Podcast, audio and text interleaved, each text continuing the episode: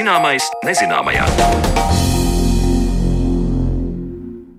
Esiet sveicināti raidījumā Zināmais nezināmajā. Kā jau ierasts šajā laikā ar jums kopā ir Sandra Kropa, un turpmāko stundu pavadīsim sarunās par un ap interesantām lietām, kas notiek medicīnas lauciņā. Jau pavisam drīz eh, palūkosimies uz to, kā attālināti mācās ārstēt mediķi, bet stundas otrajā pusē mēs runāsim par biomateriāliem, kurus var ievadīt cilvēku organismā nevis ar ķirurģijas palīdzību, bet gan injicējot. Šajā laikā, kad darbs un mācības notiek attālināti, arī medicīnas studenti eksāmenos savas prasmes demonstrē caur datoru ekrānu. Detalizēti stāstot savas darbības, kuras izpilda speciālists īpaši aprīkotā klīnisko simulāciju mācību telpā, vai arī trenējoties veikt punkciju uz mugurkaula fragmenta, kas ir izdrukāts ar 3D printeri. Vairāk par to, kā topošie mediķi attālināti mācās ārstēt, klausieties Zanes Lācis veidotajā ierakstā.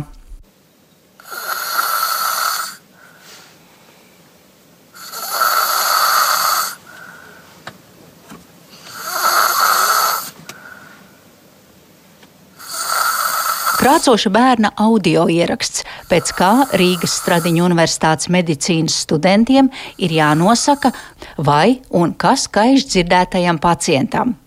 Tas ir tikai viens no komplekta klāsta, ko viņi izmanto attālinātajās mācībās. Rīgas Stradiņu Universitātes medicīnas izglītības tehnoloģiju centra direktore Ieva Šlēziņa stāsta, kādi vēl risinājumi tiek izmantoti, lai topošie mediķi slīpētu savas prasmes un viens no veidiem ir avatāra, jeb šajā gadījumā zinoša asistenta izmantošana eksāmenā. Proti, interneta Zoom platformā satiekas pasniedzējs un students, un abi pieslēdzas telpai, kurā ir pacients, šajā gadījumā manekens, un tam līdzās medicīniskais aprīkojums un speciālists, kurš pildīs to, ko viņam teiks students. Kā tas notiek, skaidro Ieva Šlēziņa.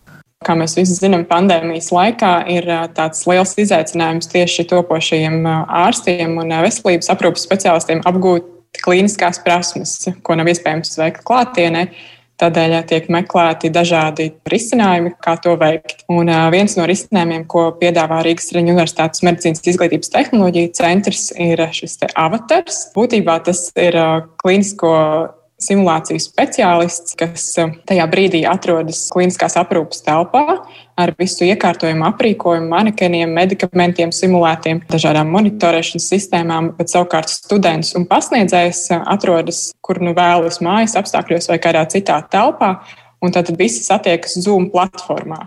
Un šis te avatars būtībā ir kā tāda studenta rokas un acis. Viņš izpilda visu, ko students viņam lūdz veikt, izvēloties noteiktu manipulāciju. Piemēram, tiek izvilktas manipulācija mazgāt rokas, un tad students avataram skaidro šo roku mazgāšanas kustību secību, vai līdzīgi arī ar injekcijām, ar urīnpūšķu kateterizāciju. Tad jāspēj ļoti smalki paskaidrot. Un šis te avatars izpilda būtībā tā tādas studenta, gan arī var teikt, pavēles. Un tad pasniedz tad izvērtē, kā šajā procesā studentam veicas un vai viņš ir spējīgs paskaidrot šo prasmi. Tātad students sava datora ekrānā redz, kā piemēram, izskatās eh, slimnīcas procedūra telpā, kurā atrodas pacients? Jā, varbūt tīri teorētiski tas ir iespējams izstāstīt, bet mēs tiešām gribam šajā laikā, kad nav uz vietas iespējams veikt klīniskās prasmes, mēs tomēr gribam studentu ievest tādā virtuālā klīniskā simulētā vidē, kur viņš redz gan aprūpas manekenu, gan injekciju, šo mulāžu un trenižieri. Un viņa priekšā arī tiek līdzīgi kā tas ir īstā kliniskā darba vidē. Viņa priekšā ir šie injekciju un medikamentu sagatavoti paplātes vai nu, plaukti. Un, uh, viņam arī jāsako līdzi un ir jāizvēlās tieši kāda izmēra adatu viņš izvēlēsies konkrētai manipulācijai, kādā veidā sagatavos šo vidi pirms manipulācijas, kādus medikamentus viņam vajadzēs. Tad viņam ir tiešām ir iespēja, ka viņam parāda šo skapīti un viņš izvēlas, ko viņš ņems. Ja es pareizi saprotu, tad šis avatārs, šis cilvēks, viņš neko nesaka, viņš visu dara klusējot. Jā, klusējot. Un arī reizēm ir, piemēram, injekcijām ir atšķirīgi veidi, kādā leņķī būtu jāievada adata, un tad šis avatars cenšas pildīt to manipulāciju, studentam ir arī ir jāpamanī, ja kaut kas tiek darīts nepareizi. Tad arī pasniedzējs to visu vēro. Ko paši studenti saka par šādu attālinātu praktisku eksāmenu? Mēs arī esam saņēmuši atsauksmes no studentiem, ka tā patiešām ir cita veida tāda domāšana. Viens ir noskaidrot vienkārši no galvas, kā dzējoli iemācīt teorijas algoritmus punktus, bet šeit viņam tiešām viņš nonāk tajā kliniskajā vidē un tās sajūtas ir pavisam citas, lai arī tā vide ir virtuāla. Kā pasniedzēji var novērtēt, cik labi notiek šī avatara un studenta sadarbība? Šo manipulāciju veikšanā tad, uh, tiek speciāli nodrošinātas kameras, uh, lai pietuvinātu tieši to manipulācijas veikšanu, lai būtu precīzi izvērtējums. Nu, tiešām varbūt tādas nianses, ka dūrienā vietas apstrādē, dūrienā leņķis, teiksim, adatē un tad pasniedzējs to var arī izvērtēt. Vēl viens no veidiem, kā notiek medicīnisko prasmu slīpēšana un eksāmenu kārtošana, ir ar trenažieru palīdzību. Bet šajā gadījumā vārds trenažieris ir attiecināms uz cilvēka ķermeņa fragmentu, kas ir izdrukāts ar 3D printeri. Piemēram, cilvēka mugurkaula kopiju, kurā studenti trenējas durtā datu, lai iegūtu muguras smadzeņu šķīdumu. Sadarbojoties medicīnas izglītības tehnoloģiju centra inženieriem un anatomikumu katedras speciālistiem, tika izveidoti šādi mugurkaula prototipi. Par to, kā notiek darbošanās ar šādu prototipu, stāsta neiroloģijas un neiroķirurģijas studentu zinātniskā pulciņa vadītāja Marija Luīza Kalniņa. Mēs trenējāmies lumbālu punkciju. Lumbālu punkcija ir tāds izmeklējums, arī varbūt ārstēšanas veids, ko parasti veids neiroloģi. Tā nav varbūt manipulācija, ko veids katrs ārsts ikdienā, taču mums likās, tas būtu lielisks veids, kā papildināt mūsu neiroloģijas pulciņu. Un tātad katram dalībniekam, katram pulciņa biedram tika atsūtīts komplekts. Un komplektā bija izdrukāti mugurkaula skriemeļi, tieši jostas vietas, un ar 3D palīdzību, kur tika printēti. Viņi tika ar želatīnu pārklāti, lai varētu students trenēt to, kā ar adatas palīdzību tiek adata ievadīta mugurkaula kanālā un tiek iegūts cerebrospinālais šķīdums. Un šo šķīdumu ļoti bieži, piemēram, pielieto infekciju diagnostikā veselības aprūpes iestādēs. Tad pats skriemelis tika printēts mūsu RSU anatomikumā, morfoloģijas katedrā ar 3D printeru palīdzību. Tas materiāls ir kā plastmasa. Un pa virsmu tika lietas želatīns. Jo, ja mēs iedomājamies arī par cilvēka mugurkaulu, tad, protams, mūsu skriemeļi nav uzreiz redzami. Tāpēc tika izmantot želatīns, kas tādā veidā atdarina to ādu un muskuļus, kas sedz mugurkaulu. Kā jūs varējāt pateikt, ka šo adatu pareizi iedūrāt mugurkaulā? Tajā mirklī, kad uh, no adatas sāk tecēt šis šķīdums, tad tu zini, ka tu esi trāpījis starp skriemeļiem mugurkaula kanālā. Un, uh, tas arī ir tas, kā tu pārliecinies, ka tu to manipulāciju esi veicis veiksmīgi. Jo parasti šo šķidrumu savāc tādās kā mēģinītēs, kas arī katram studentam bija iedotas. Un tad, kad tika panākts šis šķīduma kolekcija, tad tu zināji, ka tu esi veiksmīgi izpildījis manipulāciju. Marija Luīza, vai jūs varat aprakstīt tās sajūtas, kādas bija, kad darbojāties ar šādu izdrukātu cilvēku ķermeņa gabaliņu? Mazliet eh, bija tāda sajūta, gan skatoties uz to trenižieru, gan arī praktizējot, ka tas ir tiešām no kaut kādas citas realitātes, jo tas želatīns un tie, un tie skriemeļi tiešām rada tādu mazliet uh, citas planētas sajūtu. Taču šie skriemeļi ir anatomiski tieši precīzi, un arī studentam ir iespēja viņus ne tikai aplūkot un redzēt, bet arī sataustīt tā, kā tas ir īsti cilvēka mugurkaulā, šie izciņi, pat eh, rokā paturēt adatas un mēģines un visu ekipējumu dod tādu ļoti labu ieskatu, kāda būs tā pieredze tad, kad students šīs pašas lietas redzēs un veiks arī klīnikās. Taču tas vēl nav viss, kā attālināti darbojas topošie medicīnas studenti. Kā jau sākumā dzirdējām bērna krākšanu, tāpat studentiem tiek nosūtīti citi audio ieraksti, pēc kā viņam ir jāpasaka, kas tad kaiš konkrētajam cilvēkam. Par to turpina medicīnas izglītības tehnoloģija centra direktore Ieva Šlēziņa. Šī savukārt bija tāda cita veida pieeja, lai arī paliekam tajā pašā Zoom platformā, tad uh, studenti pievienojas arī šī klīniskai telpai, kurā ir manekens attiecīgi vai nu bērns, vai nu sieviete, vai vīrietis attiecībā pēc šī simulācijas scenārija, kas tiek izspēlēts. Dalībnieki, kas piedalās, tad viņi saņem scenāriju, tātad šo sākotnējo situācijas aprakstu, kas tad ir noticis ar konkrēto pacientu, un tālāk arī viņiem tiek sadalītas lomas. Un, Viņi ir atbildīgi par tālāko pacienta izvērtēšanu, gan medikamentu ievadi un izvēli, gan pacienta monitorēšanu. Un šajos scenārijos, ko dalībnieks redz, būtībā viņš redz tādu kā palātu vai slimnīcas telpu, kurā atrodas šis pacients ar noteikto anamnēzi. Un atkal ir šis avatars, kas izpildīs studentu noteiktās darbības. Piemēram, šo scenāriju izspēlē, tad viens viņiem ir jāspēj pateikt, kādā veidā viņi izvērtēs stāvokli, tātad izvērtēs elpu ceļus, sirdsdarbību ādas krāsu un dažādas citas nianses, tad viņiem jāspēj pateikt, kādu veidu monitorus pacientam ir jāpieliek, vai ir jāveic pulsa oksimetrijā, pieliekot šo pulsa oksimetru pirkstam pacienta, vai ir jāveic elektrokardiogramma, pievienojot attiecīgi elektrodus, un tad avatars viss šīs darbības veids. Un papildus, tātad, piemēram, šādiem scenārijiem mēs izmantojam arī dažādus audio failus, kuros var dzirdēt pacienta elpošanu, pacienta tāda krūškurvju, ja plaušu auskultāciju, plaušu izklausīšana. Tā tad tāda nu, pavisam vienkārši un visiem saprotama manipulācija, bet Šajā gadījumā studenti, piemēram, saka šim avataram, ka mēs gribam paklausīties pacientu plaušas. Viņš pienāk ar šo stetoskopu un liek pie manekena krūtīm, izklaušot elpošanu. Un tajā brīdī studentiem tiek nosūtīts audio fails, kur viņi katrs savā mājas datorā var uzlikt un noklausīties, kādas skaņas viņi dzird šajā plaušu auskultācijā.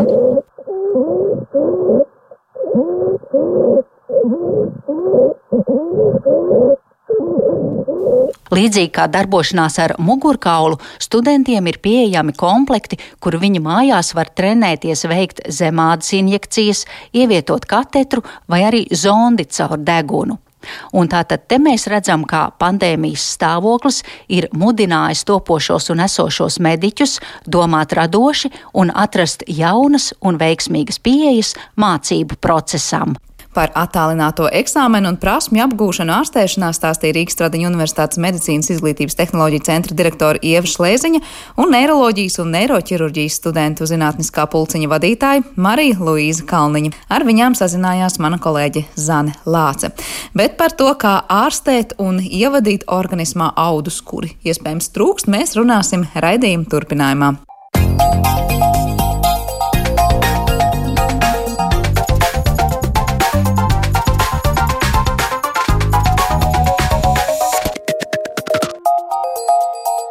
Zināmais nezināmajā.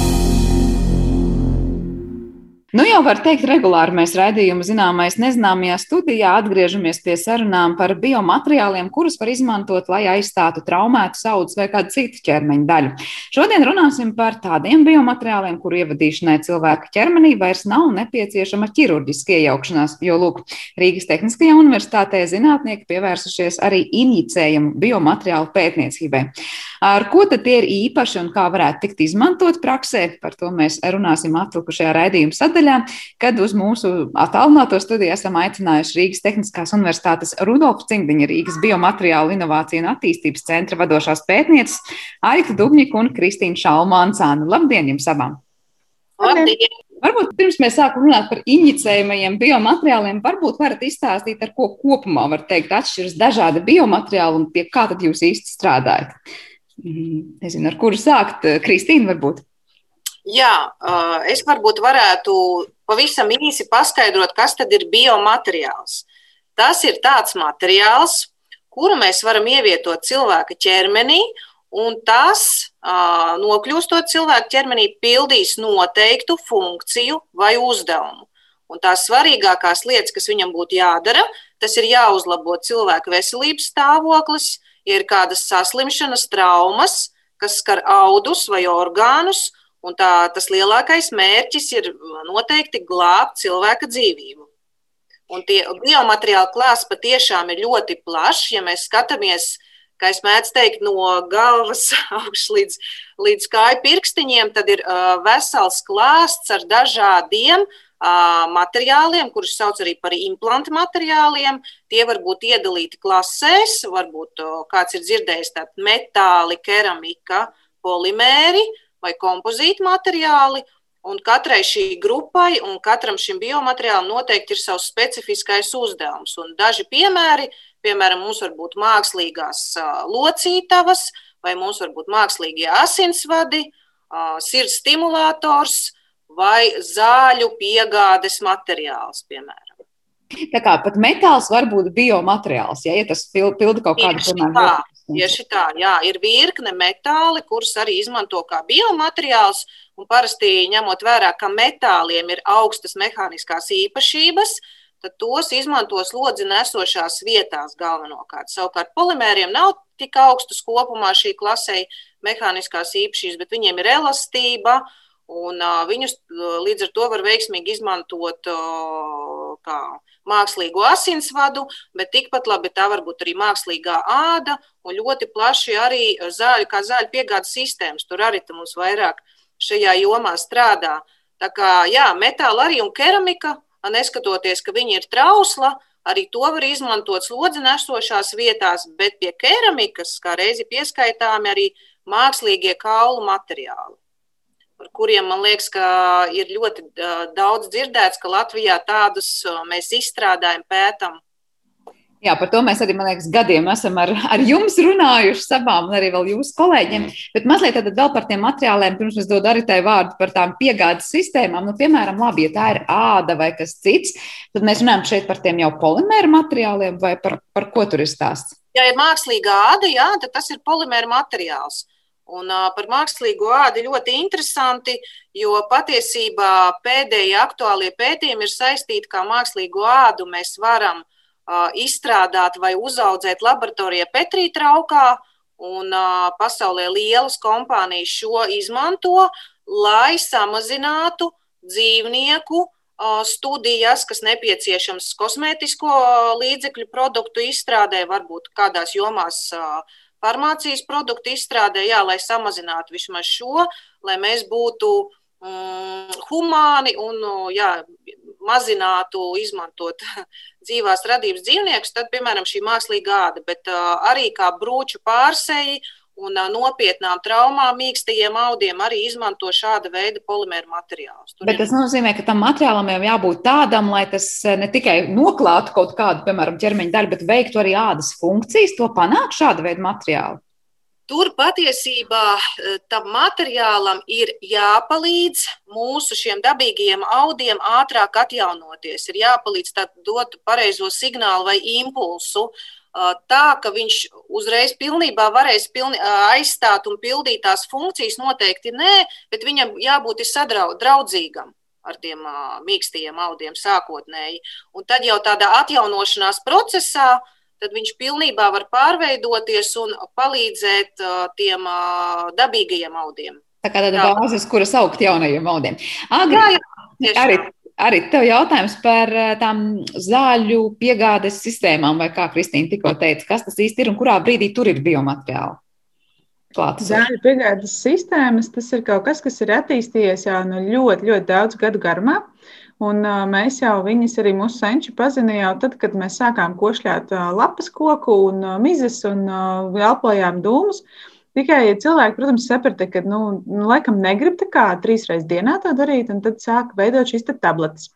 Un tabletēm liek klāt dažādas vielas, lai tas tā aktīvā viela, tas medikaments nāktu ārā lēnāk, nāktu ārā noteiktā koncentrācijā un varētu nodrošināt to efektu. Nu, vai nu, piemēram, sāpes, vai samazināt vai kaut kādu iekaisumu un iznīcināt baktērijas. Un tad to sauc par zāļu piegādes sistēmu. Tajā brīdī, kad zāles mēs piegādājam noteiktu laiku, kontrolētā koncentrācijā. Tā mēs varam piegādāt jebkuru medikamentu principā. Bet, zināt, šis materiāls ir ievietots kurā brīdī, tajā brīdī, kad mēs piegādājam, tas nozīmē, kur tas nonāk cilvēkam, kā tas nonāk līdz tai vajadzīgai vietai. Jā, nu, parasti tajā materiālā to medikamentu ieliek kaut kā iekšā. Vai nu viņi ieliek nu, vienkārši jaucot sintēzes procesā iekšā, vai nu viņam tam medikamentam vēl kaut ko pieliek klāt, lai viņš ilgāk nāktu ārā. Bet, nu, viņu iejauc iekšā materiālā, un tad to materiālu tālāk jau ķirurģiski vai arī inicējuma materiāla gadījumā ar injekcijas palīdzību ievieto cilvēku organismā.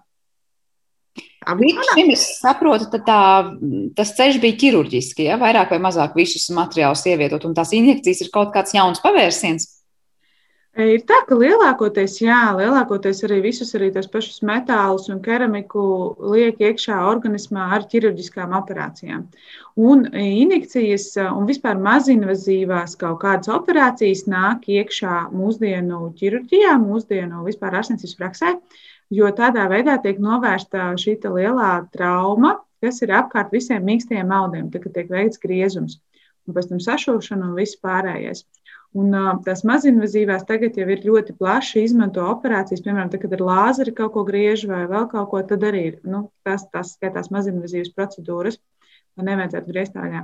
Un tad inicējumie materiāli ir nākamais solis, lai varētu ne tikai uh, kaut ko ar atsevišķām iekārtām izdarīt, bet arī iepildīt to materiālu uzreiz iekšā. Tā nav jāgriež vaļā, tur vienkārši ar mazu to caurumiņu ieved to materiālu iekšā vietā, kurā tev vajag. Es saprotu, jūsu pētījuma kontekstā tas stāsta par sejas tieši audu atjaunošanu. Ja? Kas tie par materiāliem, kuros gadījumos un kur tiek injicēti sejā? Mēs tagad pagājušā gada noslēgumā uzsākām jaunu mRNA projektu. Viņam ir tāds nosaukums, Instants Inject Bio, tieši tādēļ, ka viņi ir injicējami un bioloģiski un biosadarīgi materiāli. Un, uh, mums ir uh, partneri, kas uh, veido injicējamos polimērus. Viņus uh, šķērsaista un uh, veido to pašu bāzes materiālu, kas ir uz levāna un bakteriālās celulozes bāzes. Abi šie materiāli arī ir polisakarīdi, mazliet līdzīgs cukuram kaut kas. Un, abi šie materiāli ir sadarīgi ar audiem, nav toksiski. Un mēs projekta ietvaros, mēs šeit Rīgā skatīsimies, kā šis inicējumais materiāls, ko viņi ir izstrādājuši, iet kopā ar zāļu piegādes sistēmu, kas ir divas vielas, ir izvēlētas. Viena ir kanabidols iekaisuma novēršanai un sāpju mazināšanai, un otra ir augšanas faktors, viens, kas veicinās to, lai šūnas nāktu ciemos uz to materiālu un augtu tur iekšā.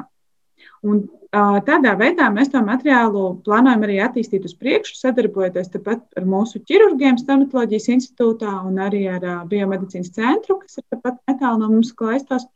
Un skatoties to, kā šūnas, kas ir iegūtas no mūsu pacientiem, sadara ar šiem materiāliem un kā viņus tālāk varētu izmantot. Tur stāsta vairāk par tādu žokļu kaulu atjaunošanu vai arī kaut kādu mīkstu audu, es nezinu, sejas. Konkrē, jā, konkrētajā gadījumā konkrētie materiāli tiek veidoti kā mīksto sejas audu atjaunošanai paredzēti materiāli, bet Šos materiālus var izmantot ne tikai sejas audu atjaunošanai, tas ir atkarīgs no defekta izmēra. Sākumā veido šos materiālus tā, lai varētu aizpildīt mazus defektus. Un uh, sejas audu nu, mums ir salīdzinoši arī maza izmēra. Tie defekti var būt, nu, protams, varbūt arī lieli, bet nu, viņi būs maza izmēra. Viņam būs viegli arī notestēt tālāk, kā viņi nu, kā saug, kā viņi darbojas, un lai varētu pēc tam veikt tālāk pētījumus uz lielākiem audiem. Taču ir ļoti daudz pētījumu arī tepat pie mums ir bijis Dienvidā centrā, kur tiek izmantoti un tiek radīti materiāli jau arī cietajiem audiem. Tā kā nevar teikt, ka mēs strādājam tikai uz mīkstajiem audiem, mēs strādājam gan uz kauliem, gan uz audiem, kas ir apkārt. Tad arī tie cietie audi tiks injicēti. Ja? Nu, tur droši vien es domāju, ka var pastāstīt mazliet vairāk arī Kristīna, jo Kristīnas projektā ir arī cietie audi.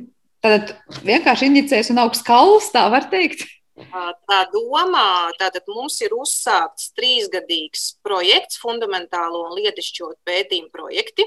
Tā viņa saucas, ir izveidot zinātniskā grupa, un mūsu mērķis ir radīt injicējumus biokompozītu materiālus, kuru mērķis ir reģenerēt un atjaunot osteoporotiskus kaulu lūzumus vai kaulu defektus. Un, ko tas nozīmē? Jā, patiešām kauli mums ir cietie audi, Un kauliem ļoti bieži gadās traumas, defekti, bet jo grūtāk šādus kaulus ir sadziedēt vai reģenerēt, ja ir nopietnā kaula saslimšana, kā osteoporoze. Un mēs kā reiz strādājam pie tādiem materiāliem, kas spētu ne tikai atjaunot šos osteoporotiskos kaulaudus, bet arī ārstēt, tad iedarboties ar terapeitisku efektu, jo šajos injicējumos materiālos klāt ir pievienotas pret osteoporozes zāles vai medikaments, kas lokāli tajā vietā, kur mēs injicētu šo materiālu, viņš izdalītos un uh, ietekmētu šo osteoporozi. Nu, mērķis, protams, mazināt šos osteoporozes radītos bojājumus, mēģināt atjaunot kaulu šūnas. Tātad, jo tad, kad ir osteoporoze, tad kaulu atjaunojušās šūnas viņas samazinās un vairāk šīs kaulu noārdošās šūnas. Tā kā vajadzētu panākt, lai atkal iestājas šis dabīgais un pareizais līdzsvars, ja mums tā ir, ka kauls nepārtraukti atjaunojas un parastās šūnas ir vienlīdzīgā līmenī gan tās, kas veido šo kaulu, gan kas noārda. Jo osteoporos, protams, tur ir nopietni traucējumi kaulu šūnu procesos. Tādēļ tāds materiāls, jā, kas tieši lokāli tajā vietā tiktu injicēts. Vai pastāv kaut kādas, nu, nezinu, bažas un varbūtība, ka inicējot to materiālu, tas sāk tur, nezinu, augt eh, kauls ne tikai tur, kur tam būtu jāaug, bet veidojas kaut kas līdzīgs kā kaulu deformācijām, tas ir kaut kur pa daudz, kaut kur pa maz, un kaut kas noteikti ne tā, kā būtu jābūt, nu, tai vajadzīgai formai. Kā tas darbojas? Patiesībā jautājumu ir vairāk nekā atbildes. Un ik sevišķi tēma, kas, skar, kas saistīts ar šādiem injicējumiem, biomateriāliem, neapšaubāmi. Vai viņš augtu kaut kur citur? Nu, tu, es domāju, ka nē, bet patiesībā tad, kad tu minēji par šādu pajautāju, šādu jautājumu uzreiz nāca prātā, ka patiešām ir pētījumi, kur arī izmanto šādus kaulu, mākslīgos kaulu materiālus, kam klāt ir pievienots stroncijs. Kā mēs zinām, stroncijs ļoti bioloģiski aktīvs mikroelements, ko plaši arī izmanto biomateriālu izstrādēji. Un tā stroncija klātbūtne, ja šo materiālu implantē, viņa pastiprina kaulu, zinātnieki ir secinājuši, ka tajās vietās, kur ir tas stroncijs nokļuvis, uh, lokāli tur tas kauls ir blīvāks un cietāks nekā vispārējie kaulaudi apkārt. Un tas rada bažas nedaudz, vai tas būtu pareizi, ka tā notiek. Nu, par šiem materiāliem es saku, ir ļoti daudz jautājumu, bet atbildes mēs radīsim pētniecības laikā. Bet var teikt, ka šobrīd tas ir tāds pavisam ceļa sākums, un tomēr nu, tā ir tāda vēl teikt, sapnis par brīdi, kad tādi materiāli tiks injicēti, vai tomēr tā jau ir diezgan tāda nu, ieskriešanās fāze, kurā var teikt, tas jau ir tuvā nākotnē sagaidāms, ka cilvēki saņems varbūt šādā veidā šos biomateriālus. Nu, nu, man šķiet, ka ir jau tā, ka injicējumie biomateriāli ir jau tomēr arī tirgū. Nu, Jā. mēs varbūt neskatāmies tieši precīzi uz kaulu materiāliem, tie būs mazāk, bet uh, patiesībā inicējums, uh, implantu materiāls ļoti daudz izmanto plastiskajā ķirurģijā, protams, lai, lai vizuālos kaut kādus defektus labotu. Un tad arī ir tā, ka viņi noārdās, un viņi nu, nav tā, ka viņi ļoti daudz ceļotu apkārt to organismu. Tad, kad inicējumā materiālu ievieta uh, organismā, inicē iekšā, viņš uh, sacietē. Nu, vai tad, ja tie ir mīksti audi, viņš šķērsēs tās, un viņš paliek tajā pašā vietā. Viņš nesāk tā kā mazās daļiņas kaut kur mums pasinsritī vizināties un darīt kaut ko sliktu. Un, uh, es domāju, ka uh, nu, tā nākotnē jau ir tajā, ka uh, mēs liekam iekšā materiālos ne tikai pliku materiālu, mēs liekam iekšā tās aktīvās vielas, un tā mēs palīdzam uh, mūsu pašu audiem atnākt uz to vietu, kur ir tas defekts, un uzaugt atpakaļ tajā vietā. Tādā veidā, lai nebūtu arī visu laiku, tā kā ir bieži vien plastiskajā ķirurģijā, ka tev ir nu, visu laiku jāatkārto šīs injekcijas, lai visu laiku veidotu to savu vizuālo efektu. Tas, tas ir tas pats galvenais šajā gadījumā. Jo botuļus un hilaronstātus injekcijas tie arī ir injicējumi biomateriāli. Es domāju, ka dāmas noteikti, kas eh, no ļoti dziļi skaistuma kopšanā ir iekšā, to zinās. Tie ir tie paši biomateriāli. Tā kā, jā, tas pielietojums ir ļoti plašs. Kaulaudu reģenerācijai patiesībā tādi injicējumi materiāli, es domāju, ka viņi ir tikai nu, pašos pirmsākumos. Tas ir ļoti aktuāls pētījuma virziens, ļoti vajadzīgs. Bet, ja mēs skatāmies, kas notiek zinātnē un laboratorijā, un kas notiek klīnikā, tad klīnikā joprojām kaulauda atjaunošanai izmanto klasiskos materiālus, nu, klasiskos sauc, kurus jau izmanto gadu desmitus. Jo, nu, jā, klīnikā tā situācija ir ļoti stipri pieturās pie tradīcijām, pazīstamiem materiāliem, ar paredzamu uh, uzvedību un uh, paredzamām kā, miedarbību organismā. Un šie injicējumie materiāli ir nu, tagad aktuāli pētniecība tieši zinātniskajā darbā un pētnieciskajā darbā. Vēl mazliet par to pielietojumu. Kristīna minēja osteoporozi kā viens no piemēriem attiecībā uz tiem kaulu biomateriāliem. Tad kuros gadījumos visbiežāk varbūt šādi pielietojumi var tikt izmantot? Kā ar tiem mīkstajiem audiem, vai tur būs tiešām nu, skaistumkopšana, es nezinu, vai būtu mazāk grumbu, vai tur ir stāsts par kaut kādām konkrētām saslimšanām vai sejas traumām, kur šādi materiāli varētu palīdzēt? Mēs skatāmies tieši patiesībā uz vēža slimniekiem šajā gadījumā, jo tad, kad tiek izgriezts arī kaulu vēzis, kas ir veidojies sejā, kad tiek izgriezts ārā šīs sliktās šūnas, paralēli papildus izgriež arī blakus audus, kas ir. Un tad paliek liels caurums. Un, ja vēl šiem kaulaudiem mēs varam atrast aizvietojušos materiālus, ir diezgan daudz, viņu vis visādas keramikas, biostikla, viss kaut kas.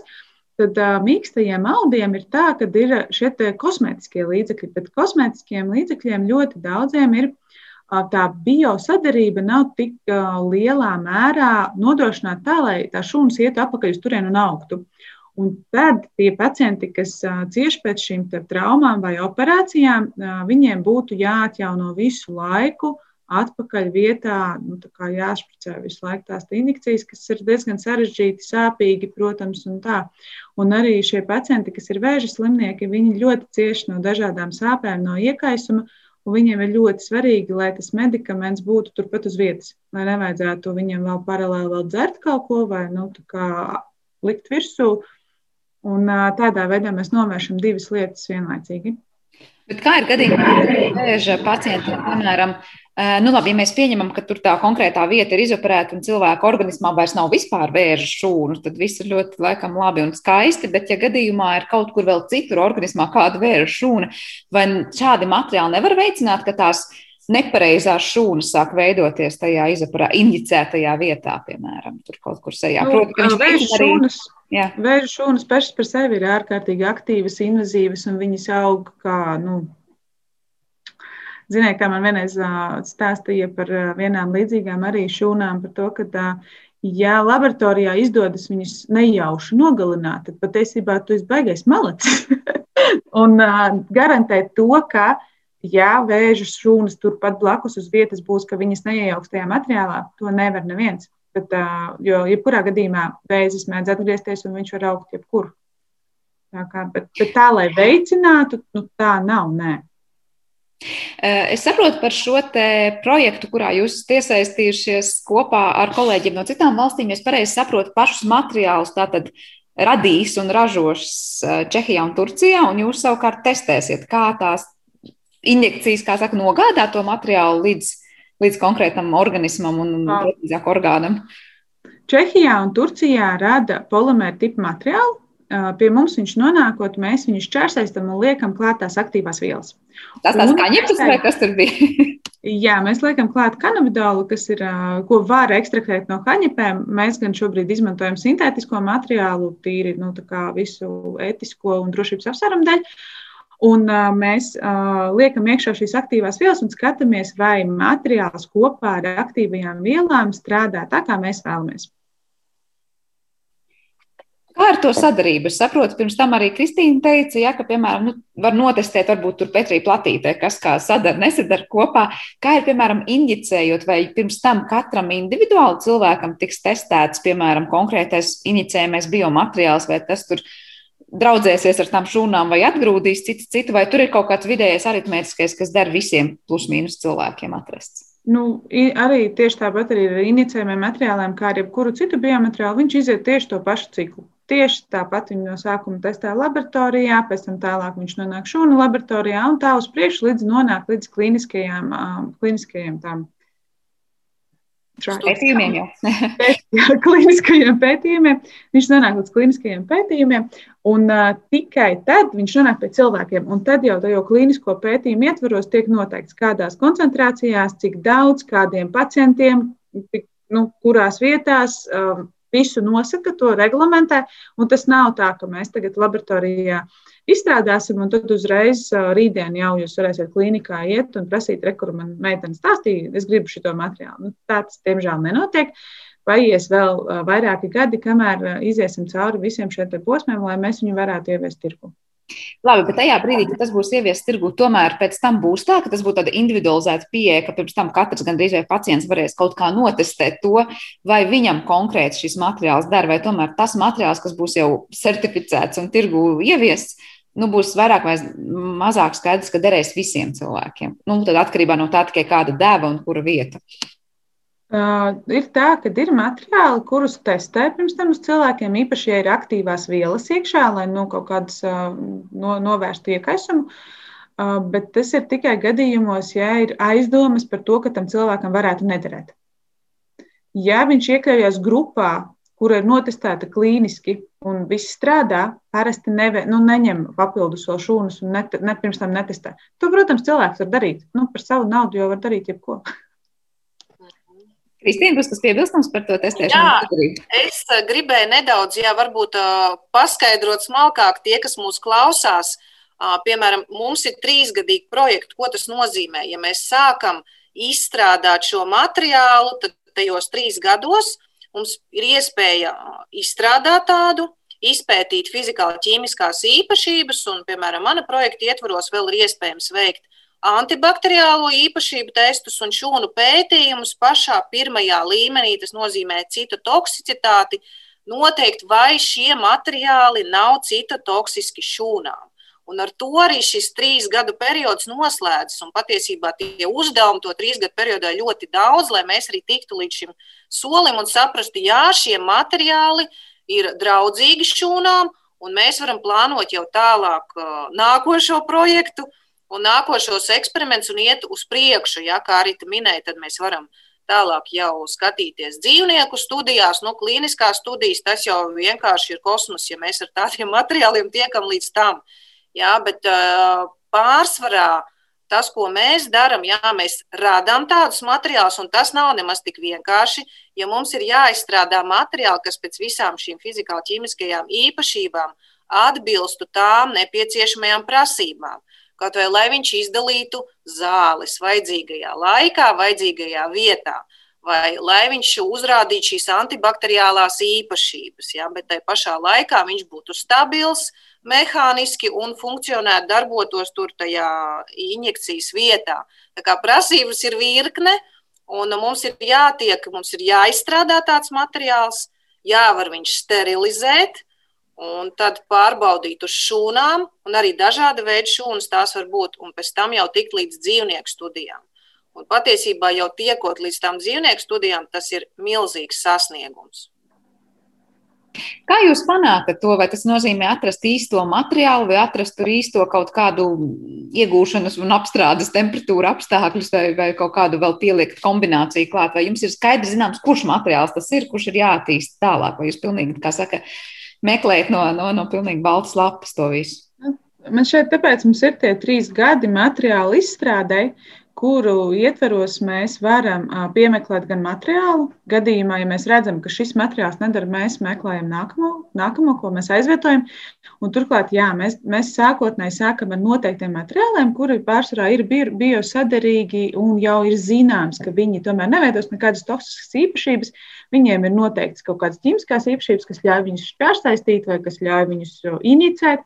Un tikai tad, trīs gadu periodā, mēs viņiem liekam kaut ko klāt, ņemam nost, skatāmies, kā katra no šīm mūsu darbībām, vai, piemēram, procesiem, kaut ko maisot, vai kaut ko presējot, vai vēl kaut ko, kā ietekmē to materiālu. Un tikai labākais, kas parasti ir viens no kaut kādiem pieciem simtiem tūkstošiem, Tas tikai tiek tālāk gan uz šūnām, gan uz baktērijām, gan arī tālāk uz visiem nākamajiem soļiem uz priekšu. Bet uh, arī par tiem nākamajiem soļiem tā ir tā labā lieta, kas mums šobrīd ir, kad uh, mums ir uh, arī projekts, kas ir Baltijas biomateriāla ekscelences centra ietvaros, un mēs varam sadarboties ar partneriem arī citās valstīs. Ne tikai mūsu pašu zinātniskajos projektos, bet mēs tiekam klāt arī tiem partneriem citur un varam jau paplānot un paskatīties, kas tad notiks ar mums tālāk pēc tiem trīs gadiem ka nebūs tā, ka mēs vienkārši pēc trīs gadiem aizlo, aiztaisam grāmatiņu ciet, noliekam maliņā un viss tagad viss ir beidzies. Mēs visu laiku mācāmies, visu laiku skatāmies arī uz priekšu, kā to tālāk attīstīt. Es tieši gribēju jautāt, cik lielā mērā pasaules līmenī tas ir kaut kas jauns un, un tā niša, kurā jūs darbojaties, ir tāda vēl neaizņemta, vai jūs šobrīd ar šo projektu turpmākos gadus strādāsiet pie kaut kā, ko dara arī citas laboratorijas vai citi institūti citviet pasaulē? Nu, patiesībā man liekas, ir tā, ka tā, nekad nav tā, ka tu esi viens, kas to dara. Mēs labi zinām, ka nu, arī elektrība neatklāja viens cilvēks vienlaicīgi. Tas viss nu, vienmēr notiek paralēli. Pasaulē ir vairākas grupas, kas pie tā strādā. Jautājums ir tikai, kurš pirmais nopublicēs tos rezultātus. Savā ziņā mēs katru dienu skrienam pa priekšu vilcienam, kurš dzenas mums pakaļ, un ir, vienīgās izredzes ir skriet ātrāk. Vai jums izdodas, Kristīna, vēl kas piebilstams par to sajūtu, kurā vilciena vagonā šobrīd esat? Nu, kā tas vilciens? Jā, neapšaubāmi. Mūsu pētījumi ir aktuāli, un mēs neesam vienīgie, kas strādā pie tiem, jo tas ir tikai loģiski. Mēs patiesībā strādājam tajos virzienos, kas ir aktuāli visā pasaulē. Un tādējādi ir šī konkurence starp zinātniskajām grupām, institūtiem, laboratorijām.